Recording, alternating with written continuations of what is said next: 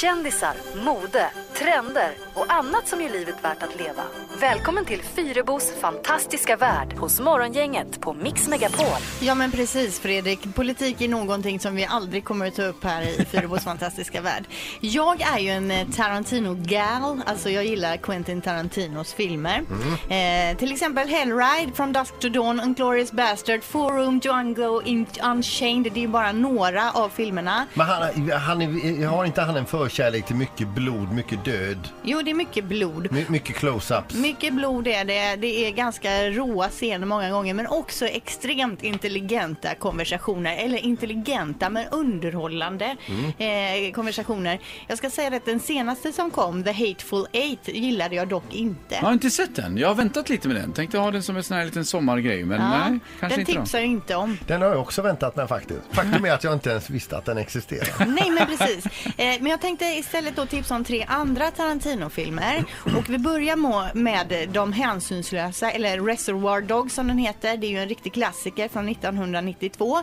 Tarantino har som vanligt då själv mindre roll i filmen. Det har han ju i stort sett i alla filmer, eh, i sina filmer då. Ehm, och den här filmen beskriver vad som händer före och efter ett rån i en juvelerarbutik men inte själva rånet då. Det är ju ofta lite skruvade handlingar och sådär. Och den här filmen är rankad på plats 76 på IMDBs lista över de 250 bästa filmerna i världen genom tiderna då. Eh, och det vi ska lyssna på nu, det här klippet, det är en eh, dialog som eh, tar plats då på en diner där de diskuterar huruvida man lämnar dricks eller inte. All right, everybody cough up some green for the little lady. Uh-uh, I don't tip. You don't tip? No, I don't believe in it. You don't believe in tipping. You know what these chicks make? They make shit. Don't give me that. She don't make enough money. She can quit. I don't even know a fucking Jew would have the balls to say that. Now, let- let me just get this straight. You don't ever tip, huh? I don't tip because society says I have to. All right, I mean, I'll tip if somebody really deserves a tip. If they really put forth the effort, I'll give them something extra. But I mean, it's tipping automatically. Uh, it's for the birds. I mean, as far as I'm concerned, they're just doing their job. Hey, this girl was nice.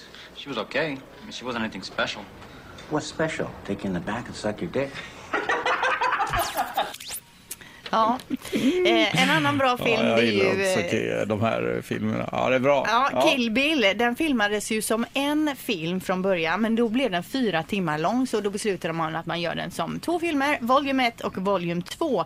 Han skrev de första 30 sidorna i manuset just i Stockholm 1994.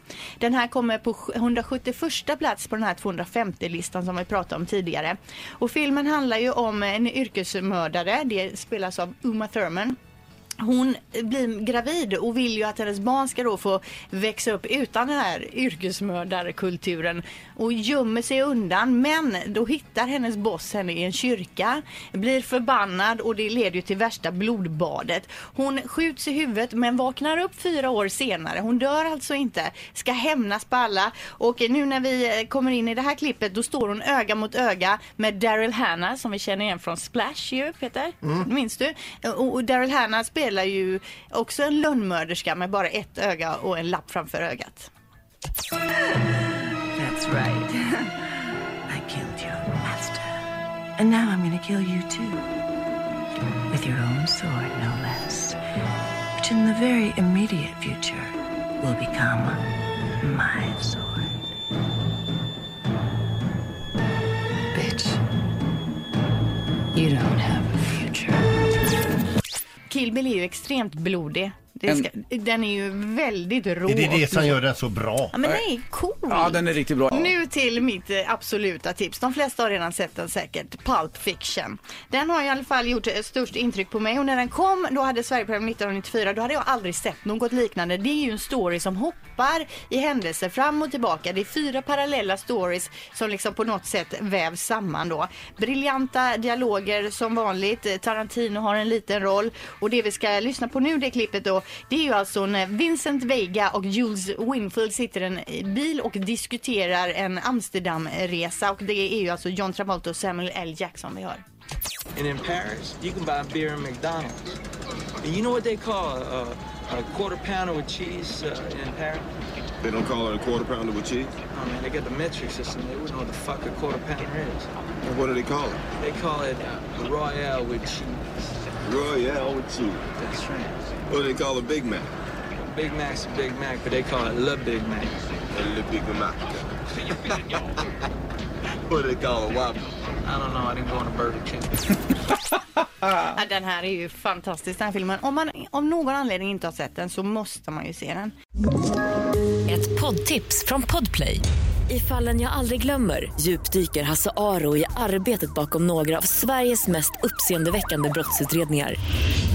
Går vi in med hemlig telefonavlyssning och, och då upplever vi att vi får en total förändring av hans beteende. Vad är det som händer nu? Vem är det som läcker? Och så säger han att jag är kriminell, jag har varit kriminell i hela mitt liv men att mörda ett barn, där går min gräns. Nya säsongen av Fallen jag aldrig glömmer på Podplay.